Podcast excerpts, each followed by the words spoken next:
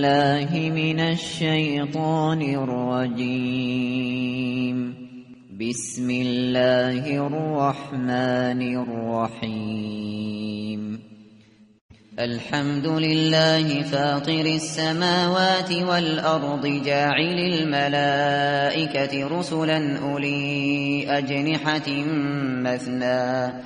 أولي أجنحة مثنى وثلاث ورباع يزيد في الخلق ما يشاء إن الله على كل شيء قدير. به نام خداوند بخشنده بخشایشگر. ستایش مخصوص خداوندی است آفریننده آسمان ها و زمین. که فرشتگان را رسولانی قرار داد. دارای بالهای دوگانه و سگانه و چهارگانه. او هرچه بخواهد در آفرینش می افزاید و او بر هر چیزی تواناست. ما يفتح الله للناس من رحمة فلا ممسك لها وما يمسك فلا مرسل له من بعده. وهو العزیز الحکیم. هر رحمتی را خدا به روی مردم بگشاید کسی نمی‌تواند جلو آن را بگیرد. و هرچه را امساک کند کسی غیر از او قادر به فرستادن آن نیست و او عزیز و حکیم است. یا ایها الناس اذكروا نعمت الله علیکم هل من خالق غير الله يرزقكم من السماء والأرض؟ لا إله إلا هو فأنا تؤفكون.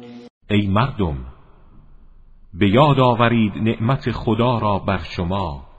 آیا آفریننده ای جز خدا هست که شما را از آسمان و زمین روزی دهد؟ هیچ معبودی جز او نیست. با این حال چگونه به سوی باطل منحرف می‌شوید؟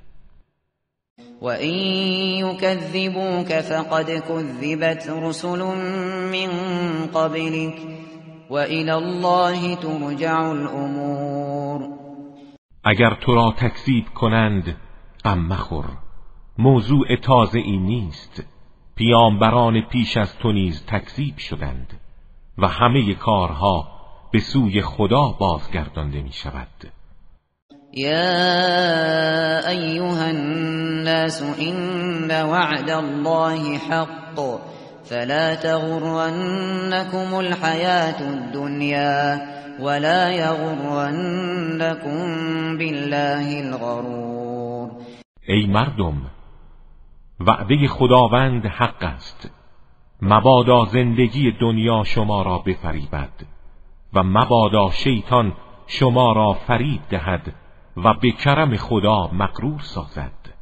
این الشیطان لكم عدو فاتخذوه عدوا انما يدعو حزبه ليكونوا من اصحاب السعیر البته شیطان دشمن شماست. پس او را دشمن بدانید. او فقط حزبش را به این دعوت می کند که اهل آتش سوزان جهنم باشند. الذين كفروا لهم عذاب شدید والذين آمنوا وعملوا الصالحات لهم مغفرة وأجر كبير. کسانی که راه کفر پیش گرفتند برای آنان عذابی سخت است و کسانی که ایمان آوردند و کارهای شایسته انجام دادند آمرزش و پاداش بزرگ از آن آنهاست. افمن زین له سوء عمله فرآه حسنا فإن الله يضل من يشاء ويهدي من يشاء فلا تذهب نفسك عليهم حسرات إن الله عليم بما يصنعون آیا کسی که عمل بدش برای او آراسته شده و آن را خوب و زیبا می‌بیند؟ همانند کسی است که واقع را آنچنان که هست مییابد. خداوند هر کس را بخواهد گمراه می‌سازد و هر کس را بخواهد هدایت می‌کند. پس جانت به خاطر شدت تأسف بر آنان از دست نرود. خداوند به آنچه انجام می‌دهند داناست. والله الذي أرسل الرياح فتثير سحابا فسقناه فسقناه إلى بلد ميت فأحيينا فأحيينا به الأرض بعد موتها كذلك النشور. خداوند کسی است که بادها را فرستاد تا ابرهایی را به حرکت درآورند. سپس ما این ابرها را به سوی زمین مرده ای راندیم و به وسیله آن زمین را پس از مردنش زنده می کنیم رستاخیز نیز همین گونه است.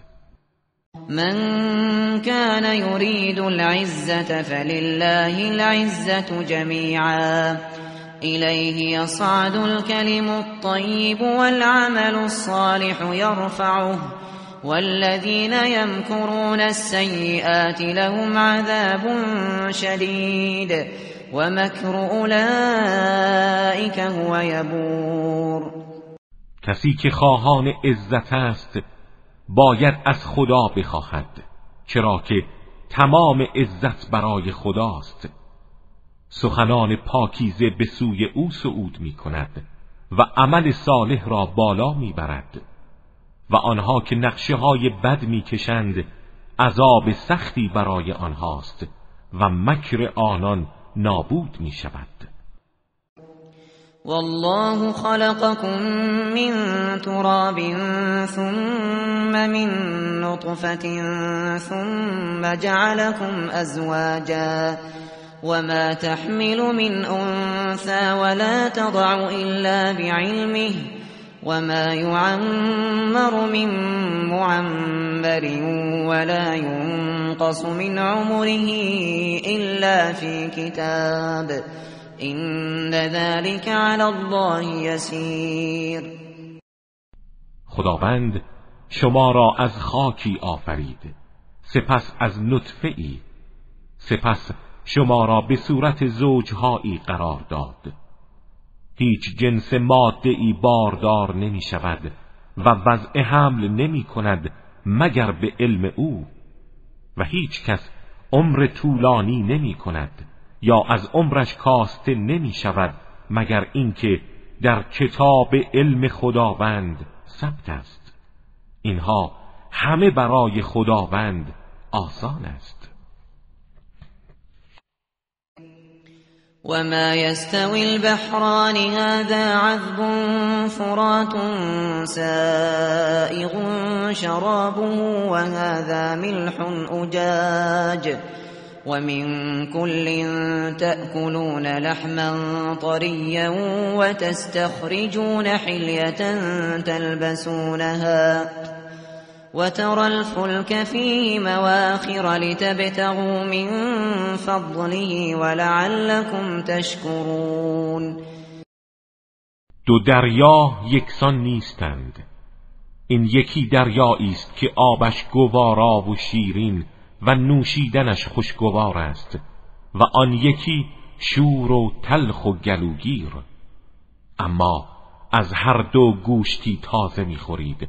و وسایل زینتی استخراج کرده می پوشید و کشتی ها را در آن می بینی که آبها را می شکافند و به سوی مقصد پیش می روند تا از فضل خداوند بهره گیرید و شاید شکر به جا آورید. یولج اللیل فی النهار ویولج النهار فی اللیل وسخر الشمس والقمر وسخر الشمس والقمر كل يجري لأجل مسمى. ذلكم الله ربكم له الملك والذين تدعون من دونه ما يملكون من قطمیر او شب را در روز داخل می کند و روز را در شب و خورشید و ماه را مسخر شما کرده هر یک تا سرآمد معینی به حرکت خود ادامه می دهد این است خداوند پروردگار شما. حاکمیت در سراسر عالم از آن اوست و کسانی را که جز او می‌خوانید حتی به اندازه پوست نازک هسته خرما مالک نیستند. این تدعوهم لا يسمعوا دعاءكم ولو سمعوا ما استجابوا لكم ويوم القيامة يكفرون بشرككم ولا ينبئك مثل خبير. اگر آنها را بخوانید صدای شما را نمیشنوند. و اگر بشنوند به شما پاسخ نمی‌گویند.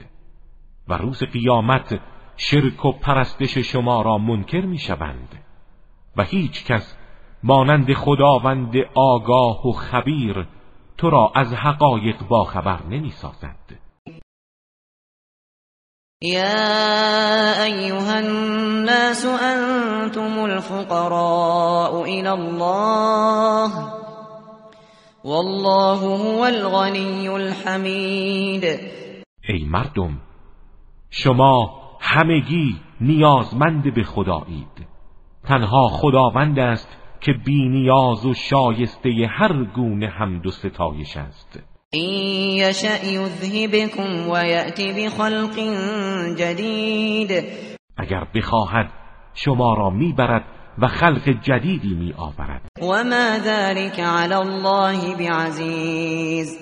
و این برای خداوند مشکل نیست. ولا تزر وازرة وزر أخرى وإن تدع مثقلة إلى حملها لا يحمل منه شيء ولو كان ذا قربى. إنما تنذر الذين يخشون ربهم بالغيب وأقاموا الصلاة. ومن تزكى فإنما يتزكى لنفسه وإلى الله المصير هیچ گنهکاری بار گناه دیگری را بر دوش نمی کشد و اگر شخص سنگین باری دیگری را برای حمل گناه خود بخواند چیزی از آن را بر دوش نخواهد گرفت هرچند از نزدیکان او باشد. تو فقط کسانی را بیم می‌دهی که از پروردگار خود در پنهانی میترسند و نماز را برپا میدارند. و هر کس پاکی و تقوا پیشه کند نتیجه آن به خودش باز میگردد. و بازگشت همگان به سوی خداست. و ما یستوی الاعمى والبصیر و نابینا و بینا هرگز برابر نیستند. ولا الظلمات ولا النور. و نه ظلمتها و روشنایی. ولا الظل ولا الحرور. و نه سایه آرام بخش و باد داغ و سوزان. وما يستوي الأحياء ولا الأموات إن الله يسمع من يشاء وما أنت بمسمع من في القبور و هرگز مردگان و زندگان یکسان نیستند. خداوند پیام خود را به گوش هر کس بخواهد میرساند و تو نمی‌توانی سخن خود را به گوش آنان که در گور خفته اند برسانی. این انت الا نذیر تو فقط انذار کننده ای إنا أرسلناك بالحق بشيرا ونذيرا وإن من أمة إلا خلا فيها نذير. ما تو را به حق برای بشارت و انذار فرستادیم و هر امتی در گذشته انذار کننده ای داشته است. وَإِن يُكَذِّبُوكَ فَقَدْ كَذَّبَ الَّذِينَ مِن قَبْلِهِمْ جَاءَتْهُمْ جاءتهم رسلهم بالبينات وبالزبر وبالكتاب المنیر اگر تو را تکذیب کنند عجب نیست. کسانی که پیش از آنان بودند نیز پیامبران خود را تکذیب کردند. آنها با دلایل روشن و کتابهای پند و موعظه و کتب آسمانی روشنگر مشتمل بر معارف و احکام به سراغ آنان آمدند. اما کور دلان ایمان نیاوردند. ثم اخذت الذين كفروا فكيف كان نكير؟ سپس من کافران را بعد از اتمام حجت گرفتم. و سخت مجازات کردم. مجازات من نسبت به آنان چگونه بود؟ الم تر ان الله انزل من السماء ماء فاخرجنا فاخرجنا به ثمرات مختلفا الوانها ومن الجبال جدد بيض وحمر مختلف الوانها وغرابيب سود.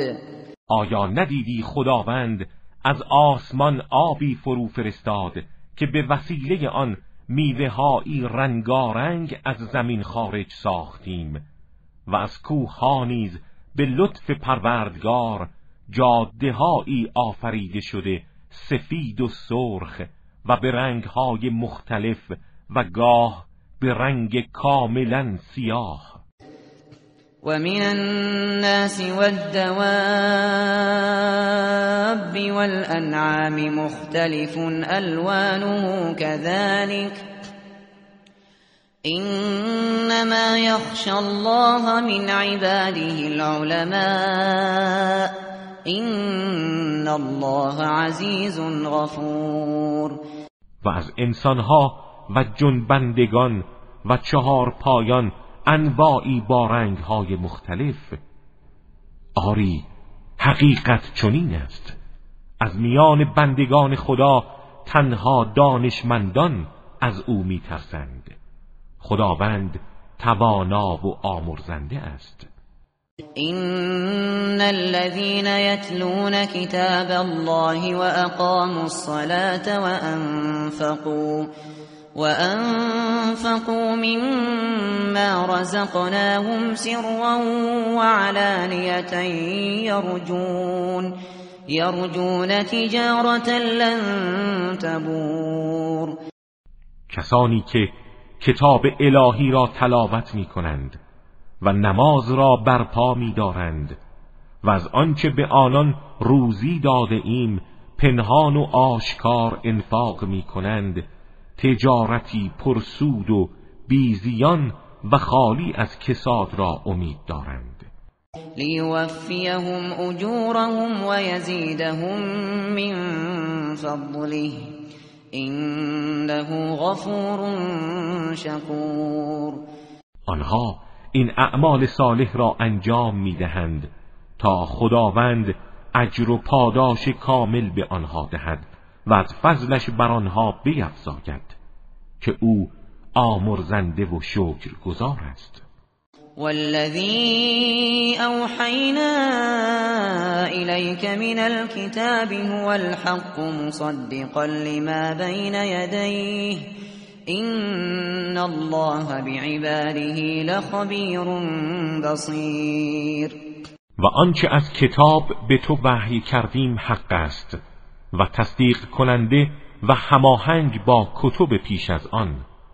خداوند نسبت به بندگانش خبیر و بیناست.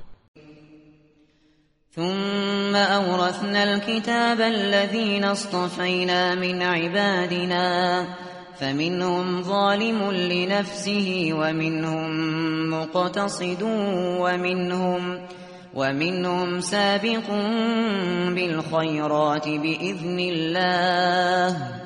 ذلك هو الفضل الكبیر سپس این کتاب آسمانی را به گروهی از بندگان برگزیده خود به میراث دادیم. اما از میان آنها ادعی بر خود ستم کردند و ادعی میان رو بودند و گروهی به اذن خدا در نیکی ها پیشی گرفتند و این همان فضیلت بزرگ است. جنات عدن يدخلونها يحلون فيها يحلون فيها من أساور من ذهب ولؤلؤا ولباسهم فيها حرير. پاداش آنان باغهای جاویدان بهشت است که در آن وارد می‌شوند در حالی که با دستبندهایی از طلا و مروارید آراسته اند و لباسشان در آنجا حریر است. وقالوا الحمد لله الذي اذهب عنا الحزن. این ربنا لغفور شکور آنها می‌گویند حمد برای خداوندی است که اندوه را از ما برطرف ساخت. پروردگار ما آمرزنده و سپاسگزار است. الذي احلنا دار المقامة من فضله لا يمسنا لا يمسنا فيها نصب ولا يمسنا فيها لغوب. همان کسی که با فضل خود ما را در این سرای اقامت جای داد که نه در آن رنجی به ما می‌رسد و نه سستی و واماندگی. والذین كفروا لهم نار جهنم لا يقضى عليهم فيموتوا لا يقضى عليهم فيموتوا ولا يخفف عنهم من عذابها. كذلك نجزي كل كفور. و کسانی که کافر شدند آتش دوزخ برای آنهاست. هرگز فرمان مرگشان صادر نمی شود تا بمیرند و نه چیزی از عذابش از آنان تخفیف داده می شود. این گونه هر کفران کننده ای را کیفر می دهیم.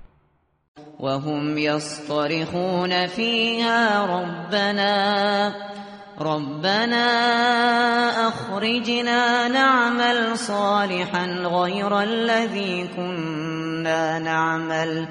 اولم نعمركم ما يتذكر فيه من تذكر وجاءكم النذير فذوقوا فما للظالمين من نصير آنها در دوزخ فریاد می‌زنند. پروردگارا ما را خارج کن تا عمل صالحی انجام دهیم غیر از آنچه انجام می‌دادیم. در پاسخ به آنان گفته می شود آیا شما را به اندازه ای که هر کس اهل تذکر است در آن متذکر می شود عمر ندادیم و انذار کننده به سراغ شما نیامد؟ اکنون بکشید که برای ظالمان هیچ یاوری نیست. این الله عالم غیب السماوات والارض انه علیم بذات الصدور خداوند از غیب آسمان ها و زمین آگاه است و آنچه را در درون دل هاست می‌داند. هو الذي جعلكم خلائف في الارض فمن كفر فعليه كفره ولا يزيد الكافرين كفرهم عند ربهم إلا مقتا. ولا يزيد الكافرين كفرهم إلا خسارا. اوست که شما را جانشینانی در زمین قرار داد. هر کس کافر شود کفر او به زیان خودش خواهد بود. و کافران را کفرشان جز خشم و غضب در نزد پروردگار چیزی نمی افزاید. و نیز کفرشان جز زیان و خسران چیزی بر آنها اضافه نمی کند. قل ارأيتم شركاءكم الذين تدعون من دون الله اروني ارونی ماذا خلقوا من الارض ام لهم شرك في السماوات ام آتيناهم؟ ام آتيناهم كتابا فهم على بينة منه بل إن يعد الظالمون بعضهم بعضا إلا غرورا بگو به من خبر دهید این معبودانی را که جز خدا می‌خوانید چه چیزی از زمین را آفریده اند یا اینکه شرکتی در آفرینش و مالکیت آسمان ها دارند یا به آنان کتابی آسمانی داده ایم و دلیلی از آن برای شرک خود دارند. نه هیچ یک از اینها نیست. ظالمان فقط وعده های دروغین به یکدیگر می‌دهند. إن الله يمسك السماوات والأرض أن تزولا ولئن زالتا إن أمسكهما من أحد من بعده إنه كان حلیما غفورا. خداوند آسمان ها و زمین را نگاه می دارد تا از نظام خود منحرف نشوند. و هرگاه منحرف گردند کسی جز او نمی‌تواند آنها را نگاه دارد. او بار و آمرزنده است. و اقسموا بالله جهد ایمانهم لئن جاءهم نذیر لیکونن لیکونن اهدا من احدى الامم. فلما جاءهم نذير ما زادهم الا نفورا. آنان با نهایت تأکید به خدا سوگند خوردند که اگر پیامبری انذار کننده به سراغشان آید هدایت یافته ترین امتها خواهند بود. اما چون پیامبری برای آنان آمد جز فرار و فاصله گرفتن از حق چیزی بر آنها نیفزود استکبارا فی الأرض و مکر السیء ولا يحيق المكر السيء إلا بأهله فهل ينظرون إلا سنة الأولين؟ فلن تجد لسنة الله تبديلا ولن تجد لسنة الله تحويلا. اینها همه به خاطر استکبار در زمین و نیرنگ های بدشان بود. اما این نیرنگ ها تنها دامان صاحبانش را می‌گیرد آیا آنها چیزی جز سنت پیشینیان را انتظار دارند؟ هرگز برای سنت خدا تبدیلی نخواهی یافت و هرگز برای سنت الهی تغییری نمییابی. أولم يسيروا في الأرض فينظروا كيف كان عاقبة الذين من قبلهم وكانوا وكانوا أشد منهم قوة وما كان الله ليعجزه من شيء في السماوات ولا في الأرض إنه كان عليما قديرا. آیا آنان در زمین نگشتند تا ببینند عاقبت کسانی که پیش از آنها بودند چگونه بود.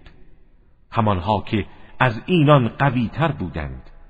نه چیزی در آسمانها و نه چیزی در زمین از حوزه قدرت او بیرون نخواهد رفت.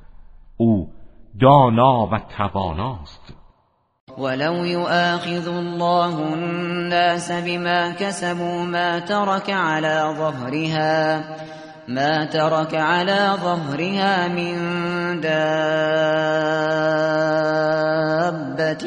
ولكن ولكن يؤخرهم إلى أجل مسمى فإذا جاء أجلهم فإن الله كان بعباده بصيرا. اگر خداوند مردم را به سبب کارهایی که انجام داده اند مجازات کند جنبنده ای را بر پشت زمین باقی نخواهد گذاشت. ولی به لطفش آنها را تا سرآمد معینی تأخیر می اندازد اما هنگامی که عجل آنان فرا رسد خداوند هر کس را به مقتضای عملش جزا می دهد او نسبت به بندگانش بیناست و از اعمال و نیات همه آگاه است.